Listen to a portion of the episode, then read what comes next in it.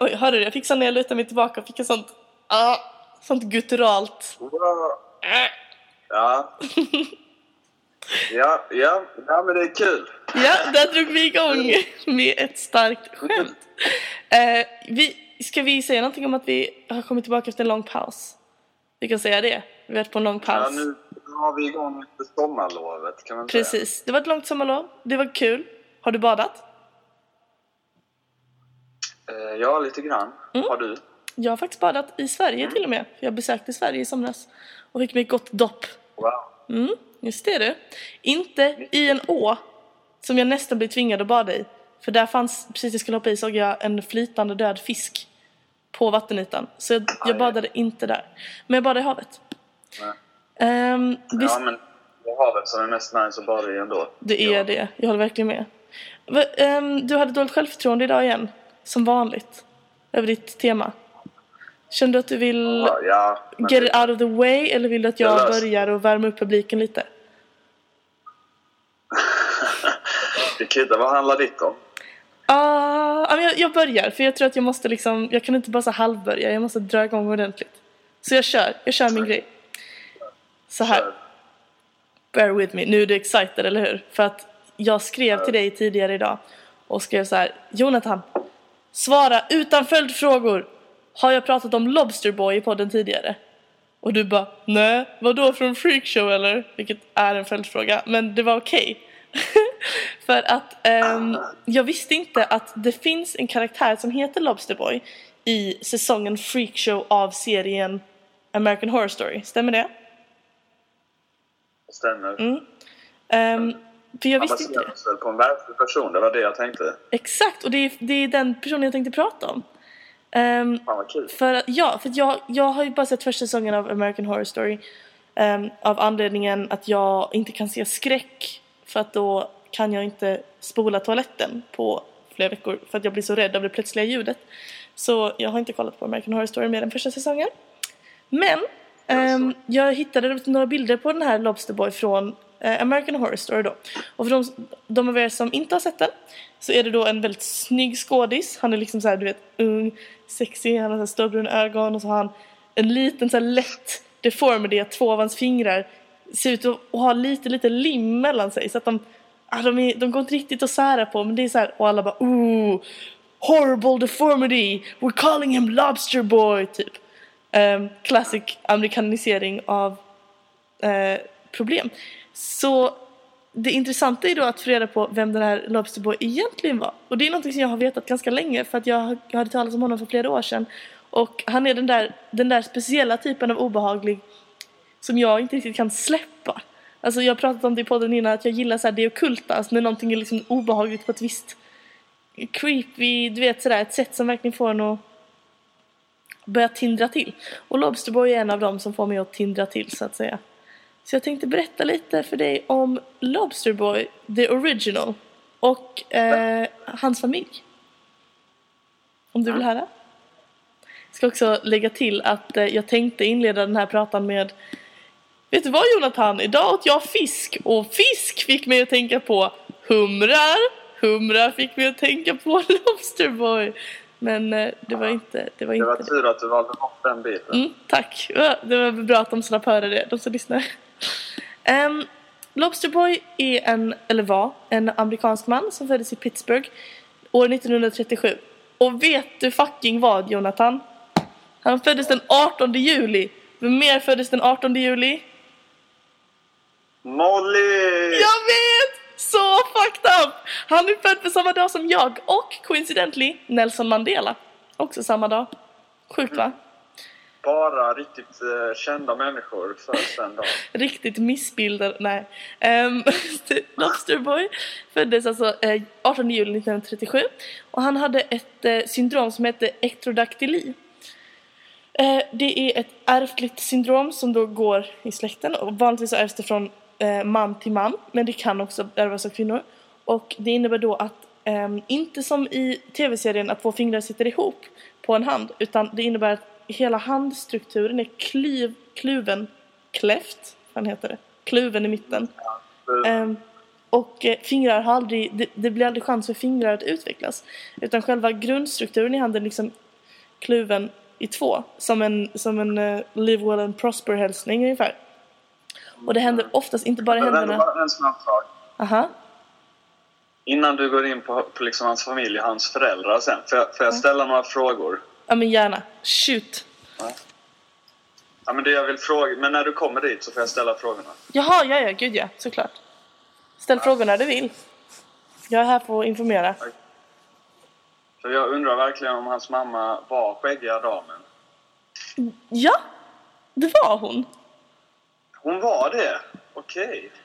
Eh, jag, kommer, jag kommer vidare till, ehm, till hans familj om en liten stund.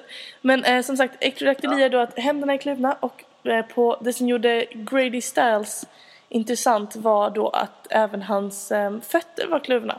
Och hans ben var också invikta så att de, han såg ut lite som en eh, något typ av skaldjur. Eh, då, därav epitetet Lobsterboy. Eh, hans mamma Ja, mm, hans mamma frågade om hon var skäggiga damen. Jag tror att hon var skäggiga damen. Jag har inte kollat upp detta så jävla noga. Men jag vet att hans pappa var Grady Styles Senior. Som också var en Lobsterman. Men han var lite misslyckad för han hade bara händerna. Så när Grady Styles Junior föddes så sattes han in i eh, cirkusrullningen eh, nästan direkt när han var en liten pojke och blev mycket, mycket mer framgångsrik än sin far eftersom att han var mer missbildad. Liksom. Mm, det är lite tråkigt i sådana fall ju. Men det är ingen fara. För att Grady växte upp och eh, han gifte sig med en kvinna som heter Mary Theresa Herzog. Som det inte finns en enda bild på på hela internet. Alltså jag har verkligen så här finkammat alla vrår. Om någon hittar en bild på Mary Theresa Herzog, snälla skicka den till mig. För att det är helt omöjligt. Det, det står liksom så här, texten är bara åh hon var jättesnygg och de beskriver liksom så här hon hade en jättefin figur. Och jag bara vad fan, varför? Ja i alla fall. Man ska inte döma par med olika attraktivitetsnivå. Man vet aldrig vad som pågår däremellan. Men det verkar inte som att han hade så mycket mellan öronen heller för att make up for it. För att han, um, Grady då, Lobsterboy, gifte sig med den här kvinnan och började sedan att uh, slå henne och misshandla henne verbalt, eh, psykiskt och fysiskt då. Um, men den här kvinnan stannade ändå hos honom eftersom hon tyckte att han var så oerhört attraktiv. Eh, hon, eh, Mary Theresa Herzog, eh, jobbade också för cirkusen men hon var liksom bara någon sån här du vet, någon som kom in med en skylt och sa hallå. Alltså hon, hon var inte ett freak som det då heter. Utan hon var en helt vanlig tjej. Eh, hon födde fyra barn åt Grady. Två av dem var så kallade humrar också. Det vill säga de föddes med ektrodaktyli. Och två av dem var ehm, inte missbildade. Och eh, den här familjen, alla eh, gick med i eh, cirkusen då och gjorde olika typer av eh, akter. en, av min, en av mina favoriter är, eh, var det, var det Kathy? Nej, jag tror det var D- eh, Donna som var en av hans barn som inte hade ektrodaktyli. Ehm, det var också det barnet som Grady började slå mycket mer än alla sina andra barn och det finns ingen, ingen förklaring till det. Han har aldrig du vet, gett någon förklaring till varför det men han, han misshandlade henne väldigt mycket. Ehm, hon startade en akt som hette The Gorilla Illusion som gick ut på att hon förvandlades till en gorilla. Och det är den enda informationen jag kunnat hitta om det, om den, det numret. Jag vill jättegärna veta liksom. Ja precis, det är liksom, går hon bakom ett skynke och där står en Alltså är det, jag fattar ingenting. Det, men det verkar spännande i alla fall. Man önskar att man levde på tiden när det var socialt acceptabelt att gå på freakshows. För då hade man kunnat få se The Gorilla Illusion. och veta hur det skulle vara. Mm. Um, men naturligtvis var det ganska svårt att leva med den här uh, Grady då. Han um, var ju då till att börja med aggressiv men han började också dricka alkohol och blev så småningom alkoholist. Eh, och det var nog i allmänhet väldigt, väldigt svårt att vara hans fru och familj. Så ehm, Mary Theresa flydde från familjen eh, och giftes för att ehm, då söka, söka skydd hos en man som hette Harry Glenn Newman. Har du hört talas om Harry Glenn Newman någon gång? Jag vet inte. Kanske från eh, American Horror Story. Kanske. Men, eh, Det är ju världens minsta man. hmm. Vänta, vad sa han hette? Harry Glenn Newman. Okej. Så att hon tänkte Ja, det är svårt att bo med Lobsterboy. Jag, jag flyr till världens minsta man. Han... Där har vi någon som... Han var en liten man med ett stort hjärta kan vi säga. För han skyddade henne. Eh, inte fysiskt gissar jag då. Eftersom att eh, Grady var en väldigt muskulös eh, hummer.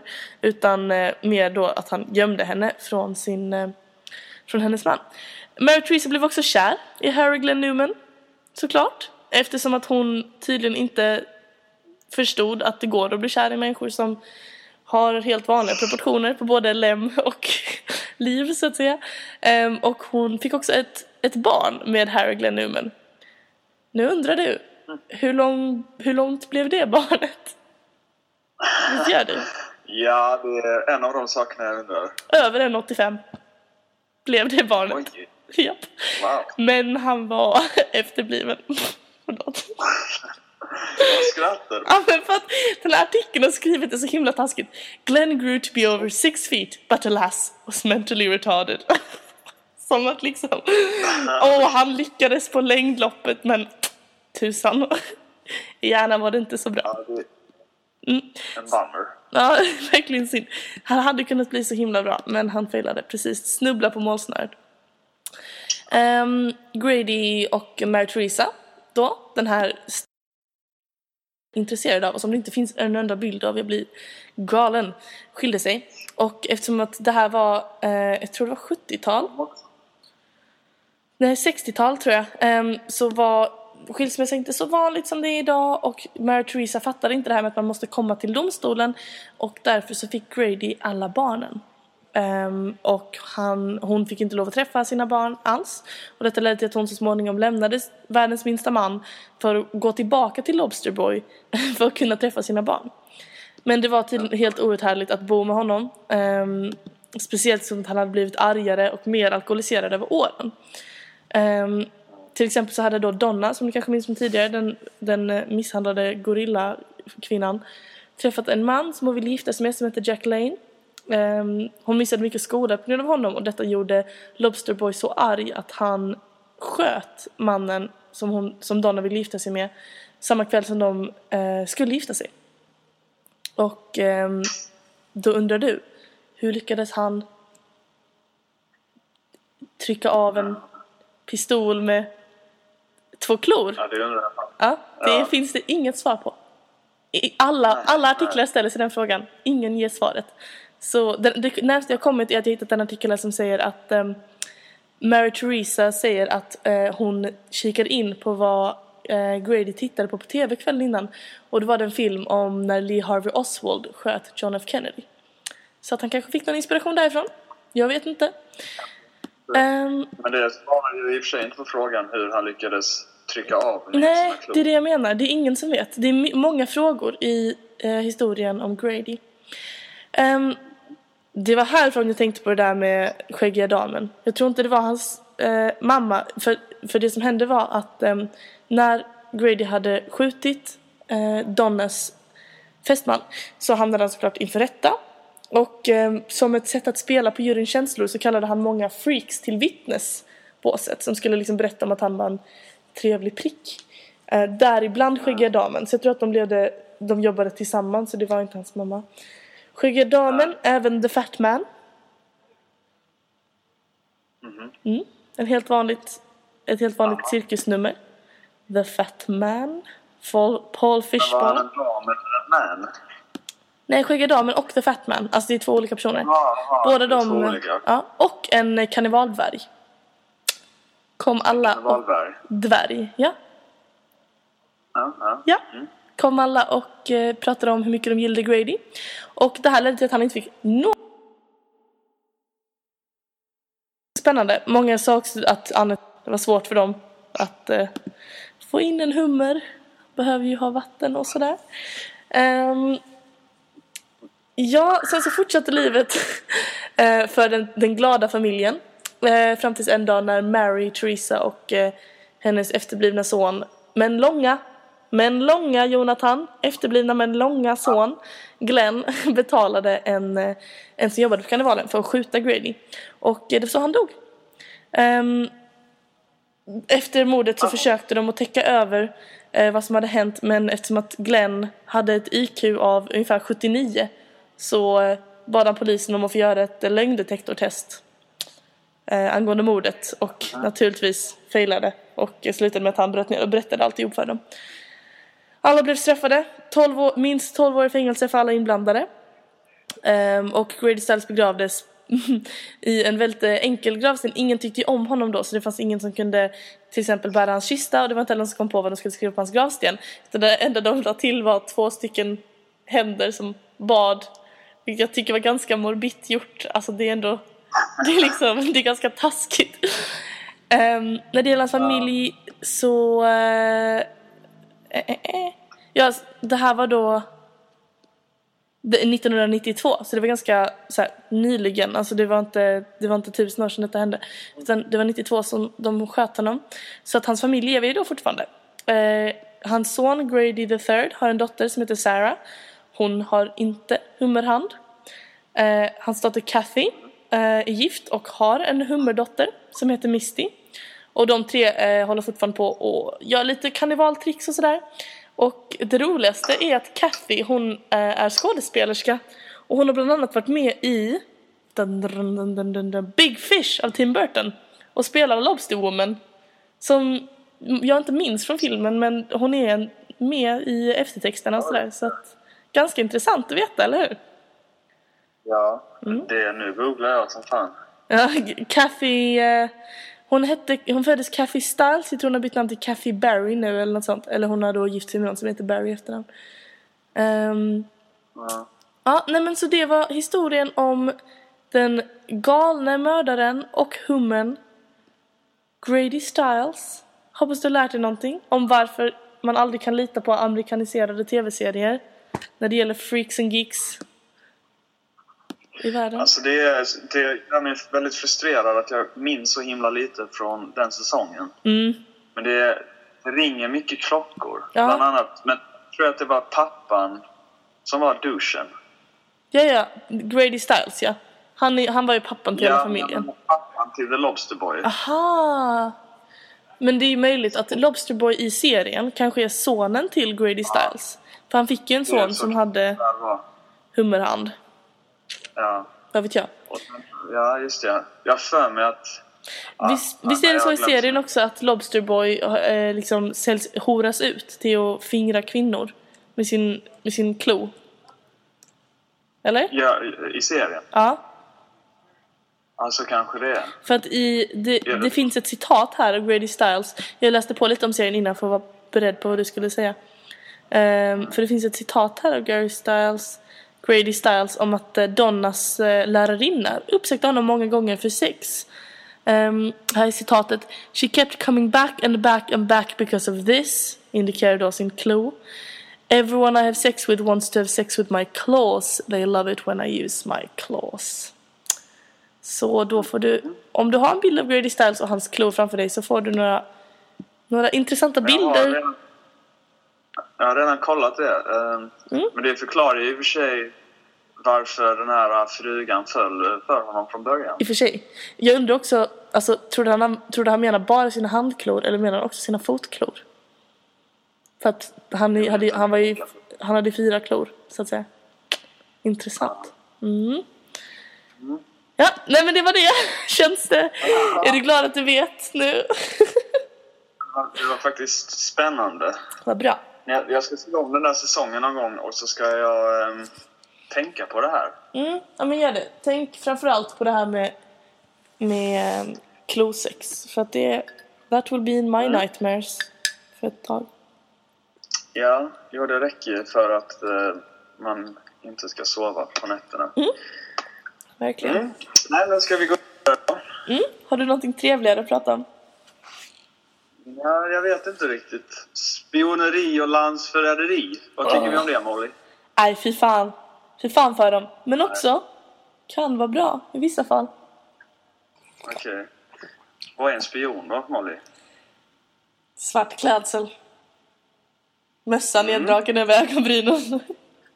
Så Tidning med två hål anses enligt 1907 års Haagkonvention om landkriget varje person som hemligt eller, eller under falska för, förespeglingar försöker inhämta upplysningar inom motpartens operationsområde i avsikt att meddela dessa till egna stridskrafter. Mm? Person med hål i tidningen alltså, sådana titthål. Det är det du säger? Som människa. Ja. Okej, ja men då, då har vi samma bild. Förespeglingar uttalas det, inte förespeglingar.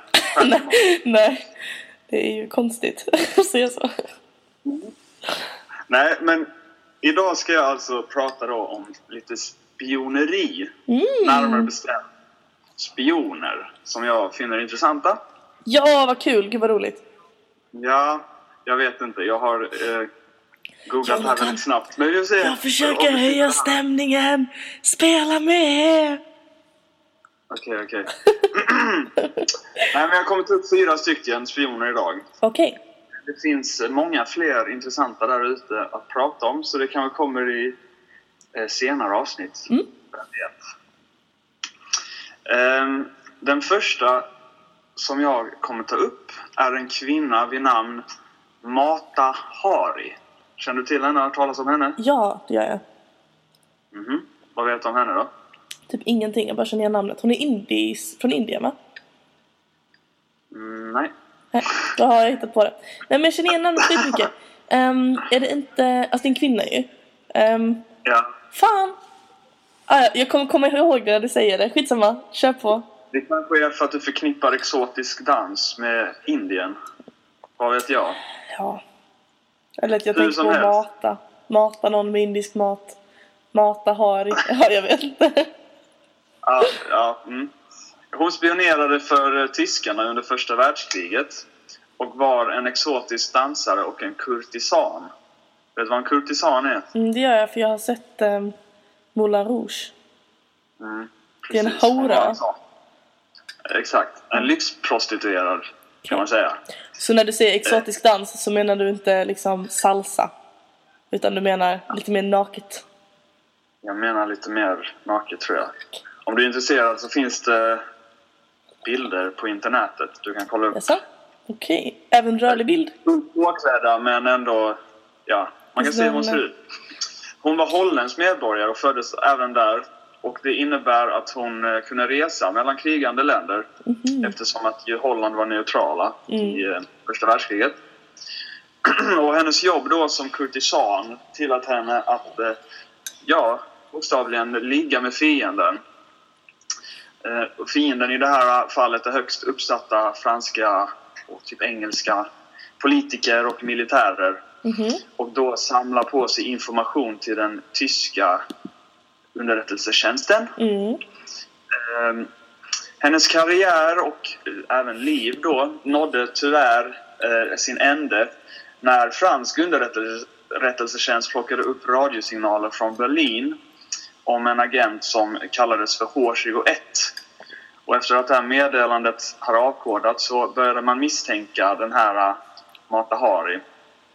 Och trots att hon vidhöll sin oskuld så blev hon anklagad för att orsaka 50 000 franska soldaters död. Oj jävlar. Ja. Dock så fanns det inte så mycket bevis mot henne förutom en burk osynligt bläck på hennes rum. Eh, Men trots det här så arkebuserades hon 1917. Arkebusé... Aha, 1917. Ja, ja, ja. Okej. Alltså hon blev skjuten. Eh, jo, jo, jag vet vad arkebusering är. Det är det jag menar. Jag tycker det är ett så himla brutalt sätt att, att döda någon på. Det är väl inte bara det att hon blir skjuten. Hon blir väl skjuten av en väldigt mängd människor medan hon står mot en vägg Mm. med förbundna ögon. Alltså det är väl en, en hemsk död. N'est-ce pas? Det är det väl, men det, ja. Men det finns inte värre sätt inte... Jo, det finns nog värre sätt. Det känns, bara, det känns bara som ett sånt, du vet, det känns- känns som en high maintenance avrättning. Det känns som att, åh nu ska vi döda någon vi verkligen inte gillar. Vi lägger 12 killar med hagelgevär framför. Alltså du vet, man kan bara ha en person. Det räcker. Don't overdo it. Men jag trodde att, jag trodde att det bara var en, en eh, kille som hade en kula i geväret. Nej, det Och alla andra sköt varit... med lösa skott. Jaha, oh gud det är ännu värre då. Det vet man inte. Kolla, high maintenance. De lägger ner tid på det. De inte skulle veta vem som... För att inte de skulle få dåligt samvete, typ. Okej, jag vet inte. Det är inte det som är poängen i den här historien, Molly. Nej, nej förlåt. I derail. I alla fall så, så var det do- dock så att på 70-talet så bekräftades att eh, hon då var den här agent H21. Skönt ju. och, Tråkigt om det hade arkebuserat någon annan. Vad sa du? Skönt ju. Tråkigt om det hade arkebuserat fel hora. Det hade blivit jättejobbigt Ja, jo. i samvetet. Ja, ja men det, ja. Ska man nu bära hora så får man välja rätt. Verkligen. Eh, I alla fall, eh, om man är mer intresserad av det här så, kan man, eh, så har de porträtterats bland annat av Greta Garbo. Ah, det är därför mm, Det är det jag kände igen. Greta Garbo spelat Matta Hari. Jaha? Ja, det var det jag visste. Det var det enda jag visste om Matta Hari. så jag glömde ändå bort det. ja, det är inte så bra gjort av mig alltså. Mm. Ja, men då ska vi gå vidare till nästa spion. Mm. Eller har du något att säga om, Nej, eh, det var väldigt intressant. om den här byn? Jag tycker det är intressant. Alltså, man kan tänka sig att... För att det finns ju någon slags... Nu vet inte jag, nu vill, jag, vill, jag vill inte att någon berättar för mig om jag har fel nu. Men liksom, det, jag, jag har för mig att det finns någon liksom kemisk grej med att man blir... Att man, kanske till och med män, men jag vet inte. Människor efter samlag och orgasm blir mer benägna att liksom vara ärliga mot varandra typ. Så jag förstår inte varför man inte använt fler prostituerade som agenter för att det är ett skitbra sätt att få information. Om, om man liksom har sex med någon och sen ligger och gosar och så liksom leder in samtalet. Alltså det måste vara ganska enkelt att få ut information i det ögonblicket liksom. Men har man inte det? Alltså det känns som i varje tv-serie, mer eller mindre, så är det någon som ligger med en prostituerad och berättar allting. Va? Säg en tv-serie. Är det inte så i Game of Thrones exempelvis och någon bara ja, män är som gladast efter att...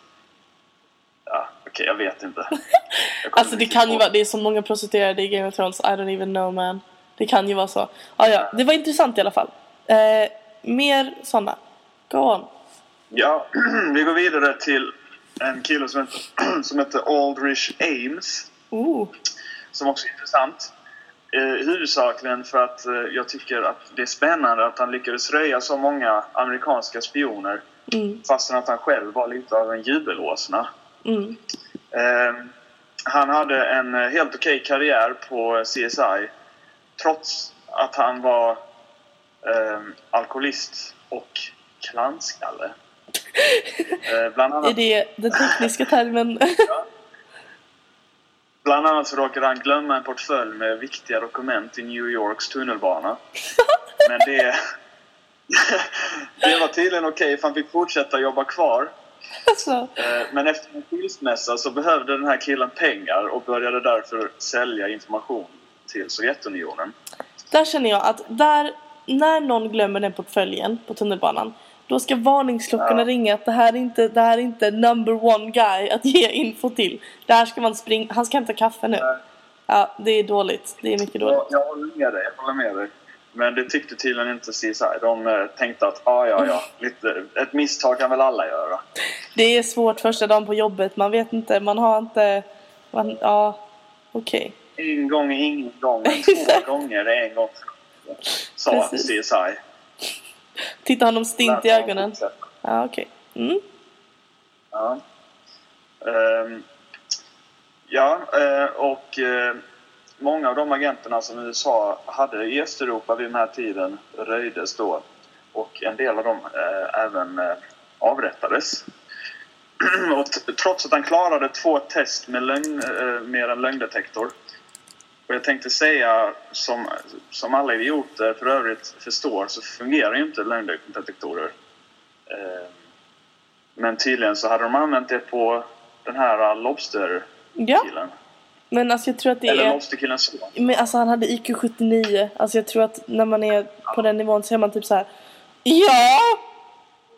Alltså jag tror de behöver inte någon Ja. technological machine för att se att han ljuger liksom. Så är det kanske. Men eh, tr- trots att han klarade de här två testen då så började CSI förstå att man kan inte ha ett hus för typ miljontals tals dollar, en Jaguar och så här fina kläder, en kostsam livsstil på den här jävla skitlönen som vi ger våra anställda. Nej precis. Hade han bilen Jaguar eller hade han djuret Jaguar? Fan vilken Nej. extravagant kille. Jag tror det var bilen, men man vet ju inte. Det Nej, stod bara Jaguar. båda är dyra. Båda är exempel på en flamboyant livsstil. Mm. Han sitter i alla fall inne nu efter Okej. att ha röjt 100 av CSIs agenter. Och lär väl göra det resten av livet. Damn, ja verkligen. Mm. Wow. Så det kommer ihåg att om man eh, har en skitlön och säljer information till främmande stat Mm. så ska man inte ha en Jaguar.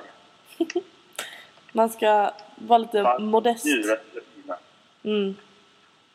Ja, det är ju svårt det där med att... Man vill ju ha pengar för att kunna leva lyxlivet men sen om man börjar leva lyxlivet så kommer de på en med att fuska med pengar. Det är ett neverending dilemma. Verkligen. Ja, men äh, även Sverige har en del kända spioner. Känner du till några? Nej. Nej. Jo, Okej. Jan Guillou. Jan Guillou. Ja, Där fick jag dig. om han nu räknas som en spion. Ja. Eh, ja, han har väl blivit dömd för det i och för sig. Eh, eller något ditåt. Men det finns en kille som heter Bertil Ströberg, tror jag han heter. Bra namn. Nu blir jag osäker bara för det. Vänta. Hur som helst. Eh, den här killen, han kanske inte är världens eller Sveriges kändaste eh, spion. Men hans, eh, han är ändå intressant för att man har, hans fall är ganska omdiskuterat. Mm. Eh, han var en flygofficer som mot sitt nekande dömdes till sex års fängelse för grovt spioneri. Och historien är som följer att han greps efter att han försökt hämta ut ett brev som var adresserat till en Sven Roland Larsson. Okej. Och eh, den polska ambassaden i Stockholm hade tidigare fått ett brev från Sven Roland Larsson med flera hemliga uppgifter och en begäran om en stor summa pengar för mer information. Mhm. Förstår du kopplingen där? Det var han. Det är ju helt no den, den polska ambassaden fick ett brev från den här Sven Roland Larsson Ja. med hemliga uppgifter. Och sen så efter det så försökte den här äh, Bertil då hämta ut ett brev som var adresserat till Sven Roland Larsson. Ja du Bertil. Så det är lite mitt... Det var fult. Ja. Men enligt Bertil så hade han hjälpt en Larsson vid en misshandel och då gett honom sitt visitkort eh, om det skulle vara några liksom, juridiska efterföljder på det. Mm. Och senare blivit kontaktad av den här Larsson för att han behövde hjälp med att hämta ut ett brev. Och då hade Bertil, enligt Bertil, bara ja, ja visst, jag går och hämtar ut brevet. Okej. Men den här, den här eh, förklaringen köpte inte domstolen och han dömdes då för spioneri. Men efter det så har han fått resning i hans mål eftersom att det har kommit fram ny information. Bland annat att en annan svensk spion tidigare hade utsatts för just den här Sven Roland Larsson. Mhm. Vilket då talar för att hans historia kanske var sanning. Mm. Mm, Men eh, trots det här så har hans namn aldrig rentvått. Eh, men om man är mer intresserad så kan man gå in och lyssna på en P3-dokumentär om det här. De brukar vara bra. Ja det brukar de faktiskt. Det är jävligt bra. Brukar de faktiskt. Det är en mycket bättre podd. Vad gör ni egentligen? Gå härifrån! ja, det är en bra podd. Det är det. Den sista historien är lite, sant, eh, lite intressant. Mhm. Det handlar om en man som heter Bernard Boursicot. Eller något sånt. Han var fransk. Och det uttalas så på franska. Ja, vad f- mm, exakt så. Boursicot. Bernard Boursicot. Det är flawless. Det är Monet, Le Louvre, eh, det är pain au chocolat. Och Bernard. Mm. Låt, Bernard Boursicot. vet du vad? Hur som helst. Han var 20 år gammal när han började jobba på den franska ambassaden i Beijing. Oj, där har du någon som satte igång tidigt. På tal om det vi pratade om innan. Ja. Med att jag är ett fuck och så vidare. Och där mötte han en kvinna vid namn eh, Shi Pei Pu. Som också är exakt korrekt uttal där. Och inget, Eh, ingen comedy. Som då var en kvinna. Vad sa du? Och ingen comedy alls i hela namnet. Från att hon hette Vadå? She till att hon hette Pooh. Ja, Det-. Vadå då? det nej. Mm. nej. Fortsätt. Ja, Shi Pei Pu. Som eh, den här Shi Pei Pu var en kvinnlig operasångerska Ja. som hade tvingats klä sig som en man av sin far. Okej, men hon hette ändå She. Så det var en liten ledtråd där. Ifall man skulle... Ja, okej. Mm. Och de båda utvecklade då en sexuell relation. Men det ironiska här, fastän att hon heter She Pei Poo, She, Ja. så var det en man. Inte. Hon var en man. Hon var en man som Jaha. eh, klädde sig, som, som då sa till honom att hon var en kvinna men klädde Ja, ja, sig som en man. Okej, jag förstår. Hänger du med? Jag är med, jag hänger med. Mm. Ja. Och för att liksom eh, övertyga den här eh, Bernard Boursicotte Ja. ännu mer så visade hon deras son som de hade fått tillsammans. Som hon i själva verket hade köpt av en Oj, doktor i Kina. oj, Ja. ja. Så det var väldigt övertygande där. Method kan man säga. Vänta, hade de haft sex? Ja. Men jag antar att Bernard Boursicotte inte Han var inte så erfaren. i kvinnans anatomi. Han, han hade inte haft något. jättemycket sex innan. Om han, vet, den ska vara där. Han hade en fäbless för analsex. och Kanske, liksom då kanske bortsågen också helt från penisen. Så bara nej, nej, nej. Vänd dig om. Spela honom rakt i händerna Hur så att som säga. helst. Ja. Ja, precis. S- eh. Men eh, ja, den här relationen ledde till att en massa dokument överlämnades från den franska ambassaden till den kinesiska underrättelsetjänsten. Mhm. Ehm, och de båda greps i Frankrike och dömdes för spioneri på 80-talet. Och då fick även Boursicotte då reda på att oj, det här var en man. Jag är bedragen. Ehm, och som du kan förstå, så när den här äh, när allmänheten äh, fick nys om den här historien så fick stackars Bernard Boursicotte utstå en hel del äh, hån. Jo, ja, ja, jag hade nog också hånat honom. Om jag ska vara ärlig. Alltså, jag hade nog... Jag hade nog ställt en sån fråga som låter välmenande. Men som liksom är elak. Så typ så här. Oj, men... Du... åh, nej, det... Du, du fattar inte det eller? Typ så hade jag varit. Lite så här mean girl mobbning. Fan, nu är ljudkvaliteten riktigt dålig från din sida, men vi hoppas att det löser sig. Hur som helst, det sista jag vill säga är att det finns en film som heter Mr Butterfly som är inspirerad av den här händelsen om man vill veta mer. Vet du varför den heter Mr Butterfly? Nej, det har jag faktiskt ingen aning om. Nej, inte jag heller. Det är väldigt konstigt ju. I alla fall, vad tyckte du om det här? Var det intressant? Jo, det var jätteintressant. Kunskap? Jag, jag, jag kände mig alldeles full. Ja, nej, men det var en fantastisk eh, liten eh, inblick i spionernas magiska värld. Jag vill jättegärna höra mer spioner om du har fler någon gång. Du kan väl göra en, en lucka och spara till en lazy day. Så kan vi så, Mm, jag får veta mer. det. Var jättebra. Ja, men ehm, vad glad jag är att, att få lite mer kunskap. Och nu ska vi försöka att fylla folk med kunskap på en regular basis terminen ut. Am I right?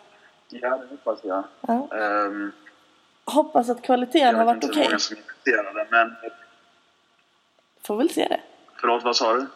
Alltså, jag sa ironiskt nog hoppas att ljudkvaliteten har varit okej. Eh, men eh, Ja, det var ju... för Det att var det, jag är övertygad om att det har det inte varit. Men eh, ja, men det skitsamma. Det löser sig. Ska vi Jag se? ska göra det bästa. Ja, du är så snäll. Alla ska veta. här. Alla ska veta att det bara är Jonathan som klipper. Han gör allting åt mig. Jag ligger här och latar mig. Jag är så Jag snäll. gör också ett jättedåligt jobb. Jag? Jag Ja, Okej, väldigt jag tyckte så. Du gör också ett jätte, jättedåligt jobb. Jag bara, ja, jo, ganska dåligt. Nej, det tycker jag inte. Nu får vi avsluta det här innan eh, liksom allt kapsejsar. Det är redan hackigt i ljudet och sådär. Men eh, Okej, hej jag då hoppas på att er. vi hörs om eh, cirka två veckor. Det gör vi. Ta hand om er. Hej då!